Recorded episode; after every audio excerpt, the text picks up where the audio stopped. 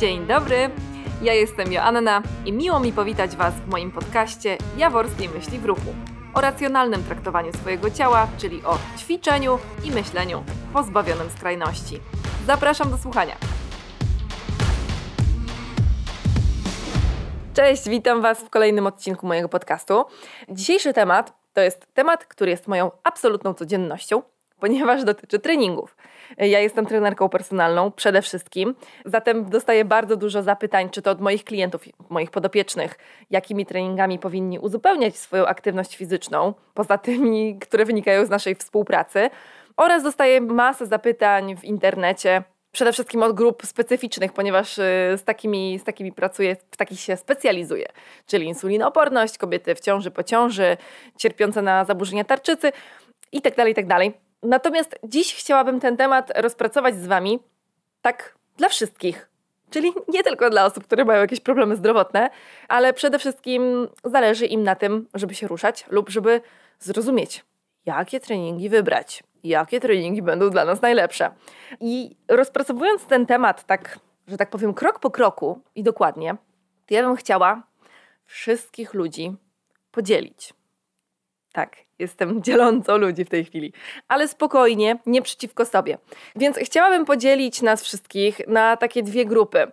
Grupę, która wychowywała się w domu, w którym aktywność fizyczna była naturalną czynnością, była naturalną codziennością i elementem dnia, czyli są to osoby, które były w ruchu od zawsze, od dziecka, które miały styczność e, z tym ruchem poprzez wykonywanie go i obserwację swoich rodziców, rodzeństwo swoje najbliższe otoczenie i było to właśnie to otoczenie bardzo aktywne fizycznie. W związku z czym te osoby po prostu trenowały od dziecka lub też jeśli nie były to specyficzne treningi, yy, wiecie, piłka nożna i tak dalej, gimnastyka, to były to po prostu yy, osoby w ruchu.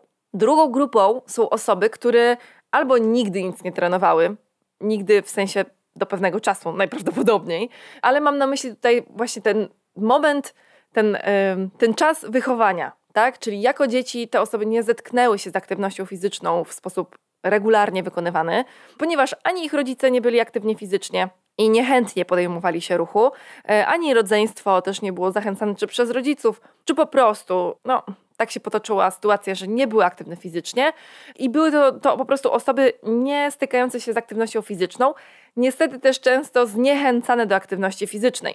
To za sobą ma dosyć oczywiste konsekwencje, ponieważ prawdopodobnie ja się spotykam z takimi historiami najczęściej, bo trafiają do mnie osoby, które nigdy nic nie trenowały, czyli kiedy pytam je, jakie macie doświadczenie, jakie masz doświadczenie, to taka osoba mówi mi, no nigdy nic nie robiłam, czy nigdy nic nie robiłam, nie, nie, nie ćwiczyłam, nie, nie chodziłam na, na zajęcia zorganizowane, spaceruję i w lecie jeżdżę na rowerze i to jest wszystko. I wiecie, to właśnie wynika najczęściej z tego wychowania. Czyli jeśli jesteśmy osobami, które nigdy nic nie trenowały, prawdopodobnie jako dzieci e, no, miały gorszą formę niż te pozostałe, a jak już w poprzednim odcinku, tym o lustrze, mówiłam o porównywaniu się i o ocenie, no to właśnie w szkole to się dzieje. Na wychowaniu fizycznym dzieci są często porównywane. Ta osoba, która nie była w aktywnym domu, prawdopodobnie mając gorszą formę, jest mniej chętnie wybierana do drużyny, w związku z czym nie lubi tej aktywności fizycznej. I lekcje wychowania fizycznego kojarzyły jej się i ten ruch kojarzyły jej się z czymś nieprzyjemnym, niemiłym, czymś do czego były przymuszane. W związku z tym prawdopodobnie potem dorastając nadal nie uprawiają żadnej aktywności fizycznej, bo czują się w niej niedobre, niedostateczne, oceniane i po prostu no, czują się w niej źle. Idąc dalej, odnośnie tej pierwszej grupy osób, które trenowały od zawsze, trenowały od dziecka, no to tu są dwa scenariusze. Pierwszy scenariusz jest taki, bardzo optymistyczny, że trenując od dziecka, trenują cały czas, czy ćwiczą, ruszają się. To, to, że ktoś kiedyś trenował przez 8 lat, nie wiem, judo na przykład, nie znaczy, że potem będzie to judo trenował, wiecie, do 80 roku życia. Okej, okay, mogą być takie osoby, ale mówię teraz o takich zwyczajnych osobach mieszkających w mieście, czy też na przedmieściach. I takie osoby zwykle no, jakoś tam przerywają tą aktywność fizyczną, ale cały czas są w ruchu. Natomiast jest też w tej grupie podgrupa, która robi sobie przerwy, czasami krótsze, czasami bardzo długie, nawet wieloletnie przerwy, wynikające chociażby z pracy, tak? Czyli jest osoba bardzo aktywna fizycznie, która po pewnym czasie przestaje trenować ze względu chociażby na to, że zaczyna pracować w biurze, dużo siedzi, pracuje po 12 godzin, no i po prostu tego czasu na treningi nie ma. Mm, natomiast to są przerwy. Zazwyczaj te osoby, ponieważ wychowywały się w aktywności fizycznej, w ruchu i go lubiły, do niego wracają. Druga grupa, ta, która nigdy nie trenowała od dziecka nic, była wychowywana w takiej rodzinie, która nie była za bardzo aktywna, poza właśnie pewnie jakimiś tam spacerami, już nigdy nic nie trenują. To jest taka pierwsza, pierwsza podgrupa. Ewentualnie mają jakieś takie krótkie próby, ale ponieważ, tak jak już Wam wyjaśniłam mniej więcej genezę tej niechęci do ruchu, te krótkie próby często kończą się jakimś tam fiaskiem, E, nie czują się zmotywowane albo czują się właśnie bardzo zmuszone, nawet w wieku dorosłym, mimo że same podejmują tę decyzję, to czują, że wynika ona nie ze środka, z nich, tylko z zewnątrz. Tutaj odwołuję Was do odcinku o celu i motywacji. No i w tym momencie szybko rezygnują. Albo takie osoby podejmują się takich y, treningów na różnych etapach swojego życia i zostają w tym ruchu. Polubią się z tym ruchem, zakochują się w nim w pewien sposób, czasem bywają i pasjonatami. Czasem takie osoby zajmują się treningiem, w sensie, że pracują jako trenerzy, bo odkrywają, że to jest zupełnie inna jakość życia, lepsza niż mieli ją poprzednio, dla nich lepsza i decydują się pracować w takiej dziedzinie. I to jest ok. Ale właśnie, dlaczego w ogóle takie osoby podejmują się aktywności fizycznej? Takie, czyli takie, które zrobiły sobie przerwę. I z pierwszej grupy, i z drugiej grupy. Te z pierwszej, no to już wspomniałam o głównym argumencie, po prostu chcą powrócić, ponieważ pamiętają te czasy, jak były aktywne i chcą do niej wrócić. Natomiast ym, jeśli chodzi o podejmowanie się tej aktywności fizycznej po bardzo długiej przerwie, czy też ym, wynika to z tego, że nigdy nie były aktywne fizycznie, czyli ta druga grupa, czują w pewnym momencie, że to jest potrzeba. Że to jest potrzeba organizmu że ciało manifestuje, że ono potrzebuje się poruszać w jakikolwiek sposób. Ono nie mówi, chcę teraz zrobić szóstkę Wejdera, tylko mówi ruchu, ruchu. W jaki sposób nasze ciało manifestuje tą potrzebę? Bólem przede wszystkim. Czyli pojawiają się wszelkiej jakości bóle, bóle w mięśniach, bóle w stawach, bóle głowy, po prostu nasze ciało boli, bo ból jest bardzo znaczącym sygnałem w obie strony, tak? Bo może też boleć z przeciążenia treningowego, ale tym się teraz nie zajmujemy. Poza tym pojawiają się problemy z postawą, problemy z kręgosłupem. Oprócz tego, że on boli po prostu, no to staje się krzywy. Jest krzywy, jesteśmy zgarbieni, ta krzywa postawa, niewłaściwa postawa wynikająca z garbienia się i z braku aktywności fizycznej, z braku wzmacniania naszego ciała, no przekłada się na jakość życia. To nie chodzi tylko o to, że jesteśmy wyprostowani super sexy dzięki temu, tylko chodzi o to, że kiedy jesteśmy zgarbieni, no to chociażby oddech jest dużo gorszej jakości, razem za tym dotlenienie, dużo gorsze jest krążenie krwi, gorsza wydolność, no i to niesie ze sobą masę konsekwencji. Zaraz powiem o innych jeszcze, bo to będzie wszystko ze sobą połączone. Pojawiają się też kontuzje. Kontuzje, które wynikają z nadmiernych napięć i z braku ruchomości, z braku ruchu. Czyli jeśli nie jesteśmy w ogóle aktywnie fizycznie, nie pracujemy nad tym, żeby nasze ciało było sprawne, to utrwalamy niewłaściwą pozycję naszego ciała. Utrwalamy je w tak zwanych dysfunkcjach. Czyli mówiąc po polsku, Napięta klatka piersiowa powoduje, że się garbimy, tak? Czyli mamy spięty tutaj z przodu mięśnie piersiowe, piersiowy mniejszy, większy, nieistotne. Chodzi tu o przód ciała, który jest zamknięty.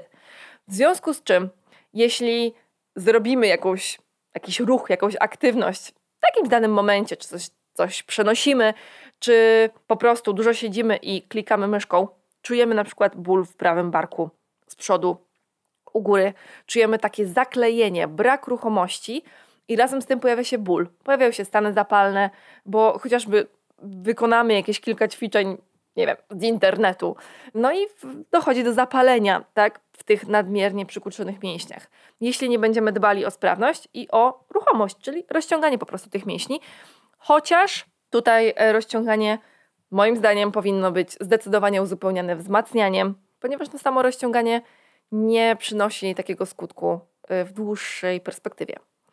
W sensie skutku sprawności. Poza tym e, kolejna potrzeba, znaczy ta, ta potrzeba ruchu wynika też z problemów, które pojawiają się ze zdrowiem. chociażby problemy z tarczycą. Insulinooporność to jest totalnie temat, którym się zajmuję i pewnie zrobię Wam e, podcast o insulinooporności oddzielny. Do insulinooporność nasze kanki, nasze komórki stają się oporne na insulinę, oporne na glukozę. One nie wchłaniają jej tak sprawnie, jak osoby, które nie cierpią na takie zaburzenie. I wynika to między innymi z tego, że mięśnie są zbyt mało pobudzane do ruchu, w związku z czym nie czują potrzeby zaczerpywania tego źródła energii, mam na myśli glukozy, i na tą insulinę też stają się oporne. Temat długi, na kiedy indziej. Podwyższony cholesterol w związku z tym, że właśnie mało się ruszamy, osteoporoza, y, osteopenia, osłabienie kości, właśnie z braku wzmacniania naszych, naszych mięśni, problemy z mięśniami na miednicy, nietrzymanie moczu, brak satysfakcji seksualnej, wiele, wiele innych, które ciągną się za tą dysfunkcją mięśni na miednicy. I uwaga, to nie dotyczy wyłącznie kobiet. Problemy z mięśniami na miednicy mają także mężczyźni. I mężczyźni, i kobiety mamy takie mięśnie. Poza tym depresja, nerwowość, złe samopoczucie, brak witalności, brak energii to są takie efekty wynikające z braku pobudzania naszego ciała, które naturalnie w wyniku ruchu wydziela hormony szczęścia, endorfiny, dopamina. To wszystko wydziela się w naszym mózgu, te hormony wydzielają się w naszym mózgu, dzięki czemu poprawiają nasz nastrój. Sprawiają, że czujemy się po prostu lepiej. Każdy, kto doświadczył przyjemnego dla niego treningu, zna to uczucie. Czyli taki trening, który powoduje zmęczenie, uczucie satysfakcji, zdecydowanie wpływa na to, że czujemy się po prostu lepiej. Jak rozpoczniemy w ten sposób dzień, często nasz cały dzień jest dużo przyjemniejszy. Mamy mniej energii, mamy mniej siły, czyli jesteśmy po prostu mniej sprawni.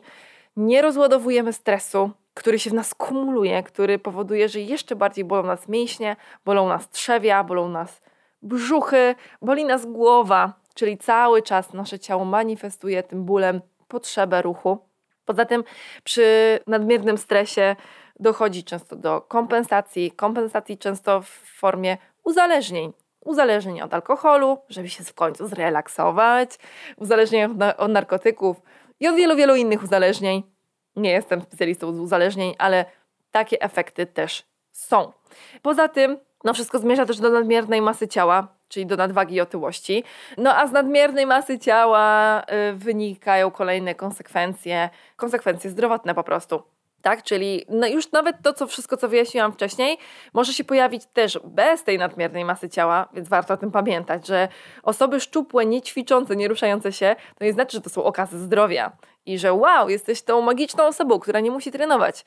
Znaczy, wiecie, no nikt nie musi trenować, ale ruszać wybaczcie, ale musi każdy, bo po prostu mamy ciało, a ciało, aparat ruchu jest stworzone do ruchu. O tym też już mówiłam wcześniej. No i właśnie, mamy te wszystkie efekty bólowe naszego ciała, te wszystkie dysfunkcje, te braki, te potrzeby. Chcemy się ruszać, chcemy trenować. No i co wtedy? No wtedy zastanawiamy się, jaki trening wybrać, jak ćwiczyć i co ćwiczyć. Co jest najszybszą i najczęstszą odpowiedzią? Po pierwsze, bieganie. Idź pobiegaj. Każdy wam powie: O Jezus, no to weź idź pobiegaj. Bo to jest taka szybka odpowiedź, szybka, szybka czynność. Nic, niewiele potrzebujemy do biegania. Potrzebujemy po prostu butów, jakiś tam ciuch, ale to nie musi być ciuch najlepszej jakości, jak wiecie, najnowszy i w ogóle jakieś super soft shell i tak dalej, to może być po prostu zwykły ciuch, zwykły but, czapka idziemy biegać. Jeśli jest zimniej, to czapka. Ale każdy z nas ma gdzieś z tyłu głowy tą informację, że bieganie daje najszybszy efekt. Że daje szybkie postępy w kondycji i daje szybkie efekty, jeśli chodzi o gubienie masy ciała. Dlaczego? No bo to jest bardzo duży wysiłek dla naszego organizmu. Co więcej, mam dwie nogi, mam dwie ręce, no to znaczy, że mogę biegać. Po prostu. To znaczy, że umiem biegać. No jak umiem chodzić, to, to umiem biegać. No i właśnie, to jest, to jest czysta teoria i dosyć błędne założenie, ponieważ bieganie, no niby jest czymś prostym, ale kiedy chcemy już naprawdę biegać dłuższe dystanse niż 1 km czy 2 km, jeśli chcemy troszkę przyspieszać, jeśli zależy nam na tym, żeby biegać w określonym czasie, no a mówi się, że to 30-40 minut biegania to jest takie minimum dla fajnych efektów chudnięcia. No to w tym momencie wypadałoby no, całą tą drogę biec, te całe 30 minut. No i kiedy nawarstwiamy trening na trening, na trening, na trening, tak w skali miesiąca, dwóch, trzech, przy bardzo złej technice, czy też przy nadmiernej masie ciała, takiej znaczącej, no to może dawać nam w efekcie rzeczywiście kontuzję po prostu i no raczej powodować, że to bieganie nie jest dla mnie, albo mam kontuzję, nie mogę ćwiczyć. No i zniechęca nas zdecydowanie do ruchu. Dalej, treningi kolejne, które wybieramy dosyć łatwo i szybko, bo są bardzo dostępne, to są treningi na przykład na YouTubie. Kto wybiera najczęściej takie treningi? Nie wiem, nie widziałam takich statystyk, ale z mojego doświadczenia, z tego z czym ja się zetknęłam, no to są to często osoby, które nie wiedzą jak trenować, nie potrafią trenować, właśnie na przykład nigdy nic nie trenowały. Na siłowni czują się jak debile, mają wrażenie, że każdy na nich patrzy i ocenia, a jednak w domowym zaciszu czuje się najbezpieczniej, no bo na tym polega dom zazwyczaj, ma nam gwarantować poczucie bezpieczeństwa. No i właśnie, no to włączam sobie YouTube'a i robię ćwiczenia z dziewczyną, czy też z mężczyzną z YouTube'a. No jest spoko. I wtedy wybieramy właśnie taki trening, jaki cel mamy. No i tu bardzo Was odsyłam do odcinka z treningami na wyobrażenia, no bo wybieram na przykład trening na spalanie tkanki tłuszczowej, albo trening na płaski brzuch i smukłe uda, i trening na boczki. No i robimy sobie te treningi w domu, ale moje zdanie poznaliście już w tamtym odcinku. Bywają też treningi grupowe, powiedzmy tutaj takie intensywne, na to najpierw je tak określimy, intensywne, takie ogólne, ogólnorozwojowe. I okej, okay, no teraz jest, y, jakby nie działają siłownie, czy tam różnie działają, ale załóżmy, że wszystko jest w porządku, bo w końcu kiedyś będzie. No i w tym momencie mamy treningi typu crossfit, tabaty, jakieś treningi obwodowe, power pumpy, takie treningi ze sztangami, wiecie, gdzie się wyciska po prostu pierdyliard razy tą sztangę nad głowę, bo waży 10 kilo. Różne aerobiki, czy też aquaerobiki. I to są treningi bardzo w porządku. W sensie one są, one z założenia mają dosyć spoko, bo po prostu mamy się na nich zmęczyć, rozładować napięcie, bardzo spocić. No wiemy, że to uczucie spocenia wywołuje w nas takie wrażenie, że zrobiliśmy naprawdę dobry trening albo że bardzo dużo schudliśmy. Ale generalnie nie ma nic złego w uczuciu bardzo dużego zmęczenia. Ja też lubię czasami się tak przytyrać. No i to są treningi, które dają nam głównie taki efekt tak? Czyli dużego zmęczenia, jakiegoś tam wzmocnienia, nasze ciało się ujędrnia i to jest wszystko ok. Ja bym chciała tylko przestrzec przed jedną rzeczą. Absolutnie nie chcę Was zniechęcać do zajęć grupowych, bo ja zdaję sobie sprawę, jak bardzo dużą jakość niesie za sobą grupa. Czyli ja też mam doświadczenie, też prowadziłam wiele lat zajęcia grupowe i grupa prowadzi w nas takie, daje nam taką korzyść e, wspólnej motywacji, wspólnego zajęcia, wspólnego celu. Budujemy tę społeczność wokół danych zajęć, z daną instruktorką, instruktorem. I to jest fajne, to jest po prostu miłe. Natomiast yy, ważną rzeczą tutaj jest to, że kiedy ćwiczenia są bardzo wymagające, a my jesteśmy mocno początkujący, to instruktor nie ma fizycznie czasu nas nauczyć i poinstruować. Serio. Więc jest też ryzyko, że coś sobie tam naciągnę, napnę, coś będzie nie tak, no i znowu się zniechęcę do aktywności, bo dobra, to chyba jednak nie jest dla mnie. No i właśnie dlatego to nie jest do końca, uważam, wina instruktora, tylko trochę założenia i szczególnie na siłowniach, czy też w miejscach, gdzie wpuszcza się 30 osób na salę, czy też więcej, bo czym więcej ludzi, tym gorzej skontrolować, szczególnie poprawić. Szczególnie kiedy są osoby nieśmiałe, stają na końcu, chowają się i robią tam sobie po swojemu, bo się wstydzą być na przedzie. Ja to absolutnie rozumiem. E, tylko, że właśnie w tym momencie tym bardziej instruktor ich po prostu nie poprawi. I to nie jest tak, że wiecie, to, to jest. Ta kontuzja na takich zajęciach jest nierealna, jest bardzo realna. I znam wiele osób, które, które takiej doznały. No dobra, już nie będę w to wchodzić głębiej. Są też y, treningi grupowe o takim intensywnym charakterze, które są bardziej określone, takie specyficzne i to mogą być na przykład sztuki walki, czyli już robimy jakąś konkretną rzecz. One nie są takie ogólnorozwojowe, chociaż często mają uzupełniające ćwiczenia, absolutnie, natomiast skupiają się na jakiejś jednej konkretnej dziedzinie. To mogą być sztuki walki w charakterze grupowym i one będą bardzo intensywnymi zajęciami. To mogą być zajęcia z ketlami, z kettlebells. Bardzo serdecznie polecam. I właśnie z ketlami też takie zajęcia bywają bardzo intensywne, prowadzone są w grupie. E, zajęcia ze sztangami, na przykład dwubój, tak, trenowanie dwuboju, to już jest bardzo specyficzne. Zdecydowanie nie polecam osobom, które nigdy nic nie robiły. Polecam początkującym jak najbardziej, bo zawsze jest trener, mam nadzieję przynajmniej powinien być, trener, który e, prowadzi takie osoby o poziomie podstawowym kroczek po kroczku, od, od ćwiczeń, wiecie, z kijkiem, w ogóle sztangi się na początku nie dotyka. Natomiast y, potem się, się ten, te techniki rozwija i to jest super. Tylko właśnie też kwestia, kwestia trenera.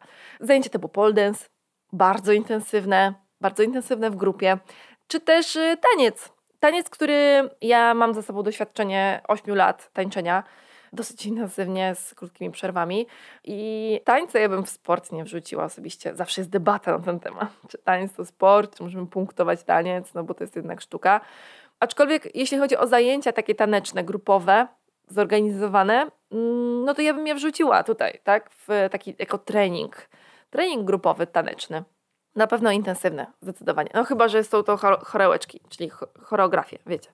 Często się połowę zajęć stoi po prostu. No, ale to też zależy. Są też treningi spokojne, typu pilates, yoga, zdrowy kręgosłup, body art, animal flow. E, mówi się o niej, że to są zajęcia body and mind, czyli pracuje się nad głową, nad ciałem, jakby myśli się o tym, myśli się o oddechu, myśli się o myślach, wycisza się, oddycha, medytuje. Ale tu chciałabym postawić gwiazdkę, bo to jest bardzo płynne. Pilates, yoga i animal flow body art też mogą być intensywne. Mogą być wykonane w sposób bardzo intensywny, yy, nawet czasem może bardziej intensywny niż wiecie, jakiś trening z ketlami. Mam na myśli intensywność taką oddechową. Absolutnie. Natomiast tak z założenia ja bym je wrzuciła w tą taką grupę właśnie treningów e, body and, mindo, body and mindowych, umysł i ciało, w charakterze raczej takim spokojnym. I to są treningi absolutnie dla każdego. Absolutnie. I dla tych, którzy startują dopiero, to jest ich podstawa, początek, czy też dla tych, którzy szukają uzupełnienia, i to jest bardzo dobra forma. I słuchajcie, jeśli chodzi o wybieranie treningów dla siebie, to ja obserwuję taką skrajność. Ona się zdarza niestety bardzo często i wydaje mi się, że to wynika z, właśnie z mediów, z przekazów mediów, z tego, jakimi jesteśmy treściami bombardowani, czyli reklamy treningów, jak wyglądają, jak, jak są skonstruowane, czy też nazwy tak? To, co mówiłam w tym odcinku o treningach na wyobrażenia, czyli jest, jest nazwa, trening, super spalanie, no to automatycznie jest to dla nas przekaz, ja powinnam, czy powinienem super spalać na treningu, no inaczej to w ogóle no, bez sensu trening. No i właśnie o tym mówię, że traktujemy treningi jako taką wyłączną, jedyną, skuteczną formę odchudzania, czy też dbania o siebie, o swoją sprawność. Mam tu na myśli treningów, traktujemy tak treningi, nie doceniamy ruchu jako takiego, tego ruchu dookoła, ruchu około treningowego. Nie doceniamy spacerów. Bardzo dobra forma aktywności fizycznej. Nie doceniamy ruchu na co dzień, czyli po prostu poruszania się po domu, sprzątania, krzątania, ogarniania, prostych rozwiązań. Nie doceniamy prostych rozwiązań jak chodzenie po schodach, czyli ja walę ten trening dwa razy w tygodniu, który będzie trwał ponad godzinę, na którym się spocę po prostu jak mysz, będę przerzucać masę ciężarów, ale wybiorę windę zamiast schodów. Rozumiecie? I, yy, i wszędzie podjadę autem i w ogóle prawie nie będę, yy, nie będę się poruszać na nogach. No nie, to jest absolutna skrajność. Nasze ciało, nasza głowa nie lubią skrajności. O tym jest ten podcast. Mam nadzieję, że się już zorientowaliście. I właśnie takie proste rozwiązanie, jak pójście po schodach, jest super uzupełnieniem dla naszego ciała, takiej aktywności i ruchu. I nie, nie doceniamy także krótkich form ruchu, takich jak poranny rozruch, czy też wieczorne, wieczorne rozciąganie, uspokojenie ciała po całym dniu. I zrobienie takich 5 minut, 10 minut, 20 minut takiej aktywności ogólnej dla naszego ciała, rozciągająco, wzmacniającej, pobudzającej, jest dla nas bardzo dobre.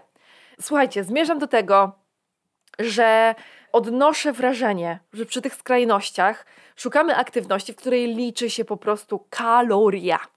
czyli jednostka energii, którą wydatkujemy. Liczą się kalorie. Fiksujemy się, szczególnie przy odchudzaniu, gdzie mam wrażenie, że 90% społeczeństwa się odchudza albo próbuje nie przytyć, a próbuje nie przytyć przez wykonanie właśnie aktywności fizycznej, która pochłonie daną e, dawkę energii.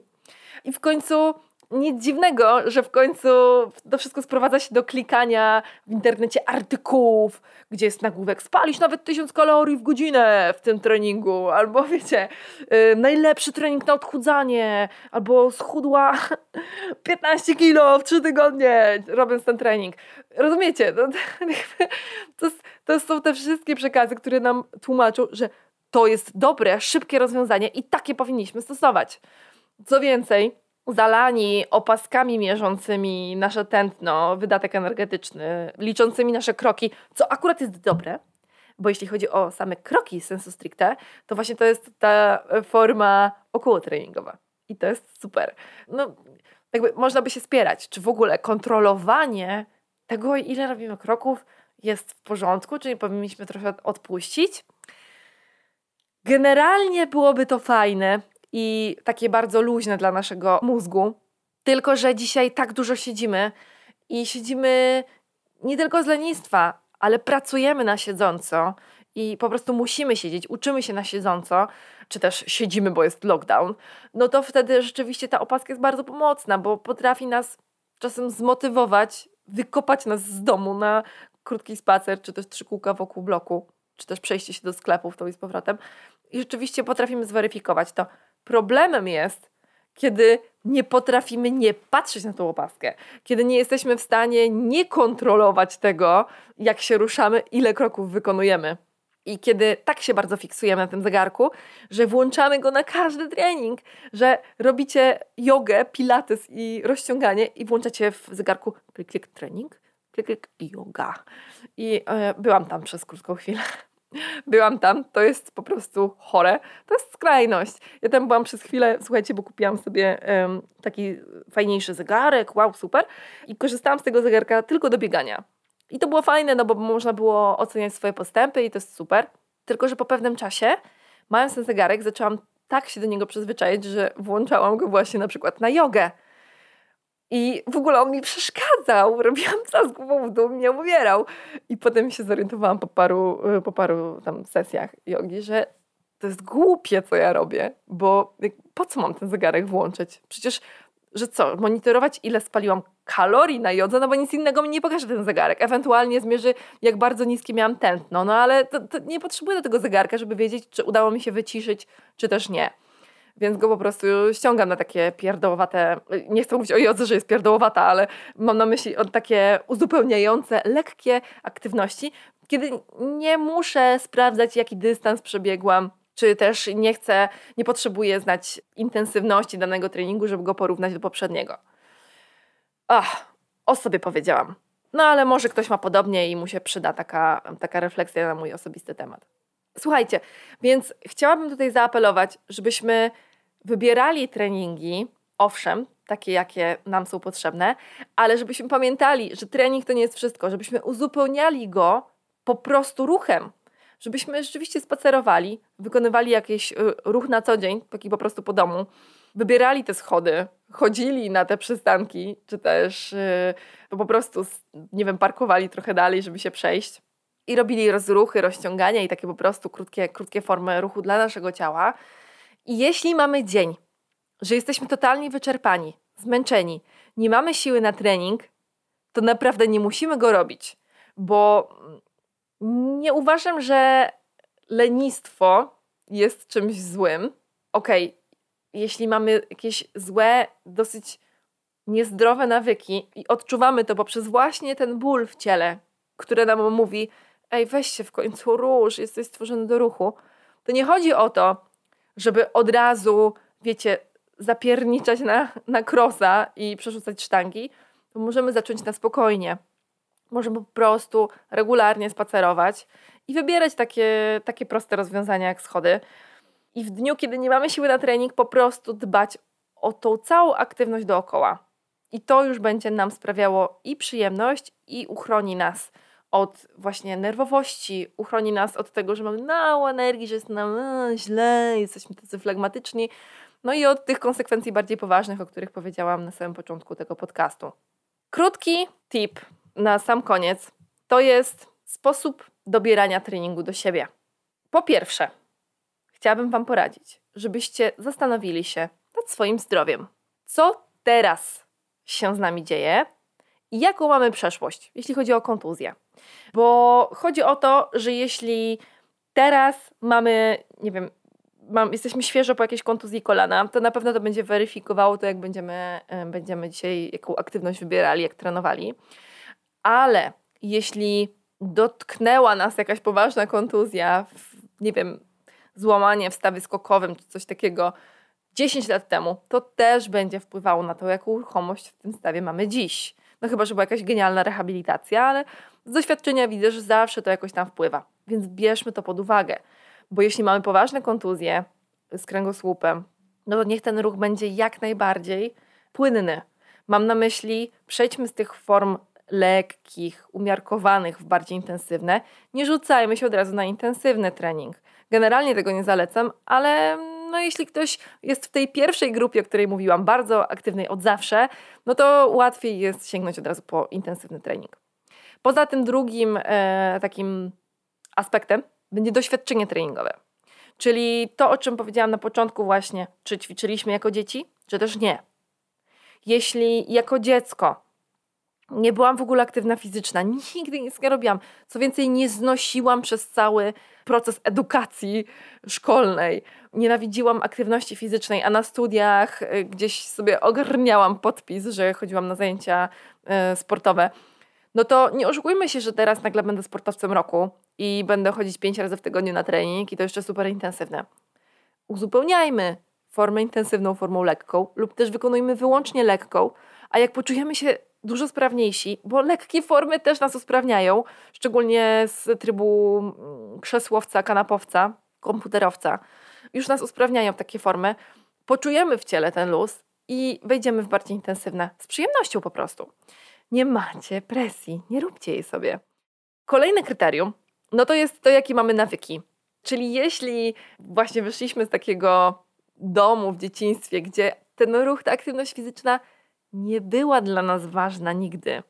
Gdzie dla naszych rodziców ruch to był no, jakaś zmora raczej i maksimum, na które się porywali, to długie spacery na wakacjach, zwiedzając y, obce miasto.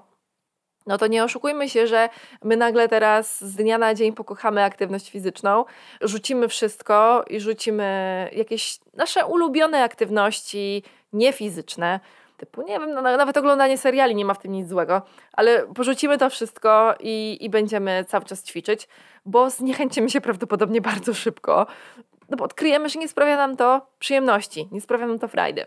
I jasne, może być tak, że zakochamy się bez pamięci nagle, nie wiem, w triatlonie i będziemy triatlonistami i w ogóle trenować 10 razy w tygodniu.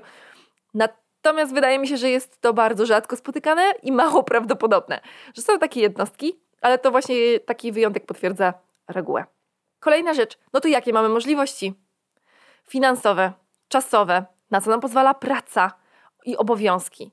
Słuchajcie, bardzo ważne jest to, że jakiś koszt ponosimy, wprowadzając nową aktywność w swoje życie, właśnie na przykład fizyczną, czyli wprowadzając coś nowego do swojej codzienności. Tutaj mam na myśli trening, musimy ponieść koszt gdzieś indziej. Nie wydłużymy swojej doby, nie będziemy ucinać też ze snu. Bardzo tego nie polecam. Czyli jeśli, już powiedziałam o tych serialach, rzeczywiście ten serial nie pozwala mi na to, żebym wykonywała aktywność fizyczną, no to decyduję się oglądać ich mniej albo rzadziej. Tak? Jeśli dla mnie bardzo ważne jest to, żeby w chacie było super czysto, no to może warto odpuścić to sprzątanie jednak w jakimś stopniu albo oddelegować ten obowiązek komuś innemu i niech jednak podzielmy się zadaniami y, bardziej sprawiedliwie, tak żebyście mieli czas zadbać o siebie po prostu. Kolejna sprawa właśnie na te możliwości finansowe, czyli nie oszukujmy się, że każdego stać na trenera personalnego, no bo to nie jest prawda, to jest w jakimś, no to jest luksusowa forma, luksusowa usługa. I no nie będziemy, nie powiemy sobie albo z trenerem personalnym, albo wcale, no bo wtedy nigdy nic nie zrobimy, jeśli nas na to po prostu nie stać. Zastanówmy się, jaki koszt jesteśmy w stanie ponieść, tak? I koszt, mam na myśli też koszt czasu, koszt, nie wiem, pracy, koszt zmiany pracy. Mam podopieczną, która, um, słuchajcie, zmieniła pracę po to, żeby móc trenować. To jest dziewczyna pod moją opieką, ona nie, nie trenuje ze mną na co dzień, ale miała tak angażującą, wyczerpującą pracę, że w ogóle o siebie nie dbała. I po kilku rozmowach ze mną stwierdziła, nie no, ja po prostu muszę zmienić pracę, bo rzeczywiście ja nie istnieje, istnieje tylko praca. Zmieniła pracę. No i właśnie jest bardziej aktywna fizycznie i szuka różnych ciekawych form dla niej. To jest fajne. I ostatnim, e, ostatnim takim kryterium będzie to, jaki mamy cel. I jaki mamy cel tej aktywności fizycznej? E, tutaj Was bardzo odsyłam do odcinka o celu i motywacji. Nie będę tutaj się w ogóle na ten temat rozwijać, czyli po co, po co chcemy trenować, po co chcemy ćwiczyć. I ten odcinek o celu i motywacji, jeśli go nie słuchaliście, to jest naprawdę odcinek o takim celu i motywacji bez spiny. Tu nie chodzi, wiecie, o coacherskie y, gadanie, tylko o to, żebyśmy podeszli do tego zgodnie z nami. To taki teaser dla tych, którzy słuchają nie po kolei.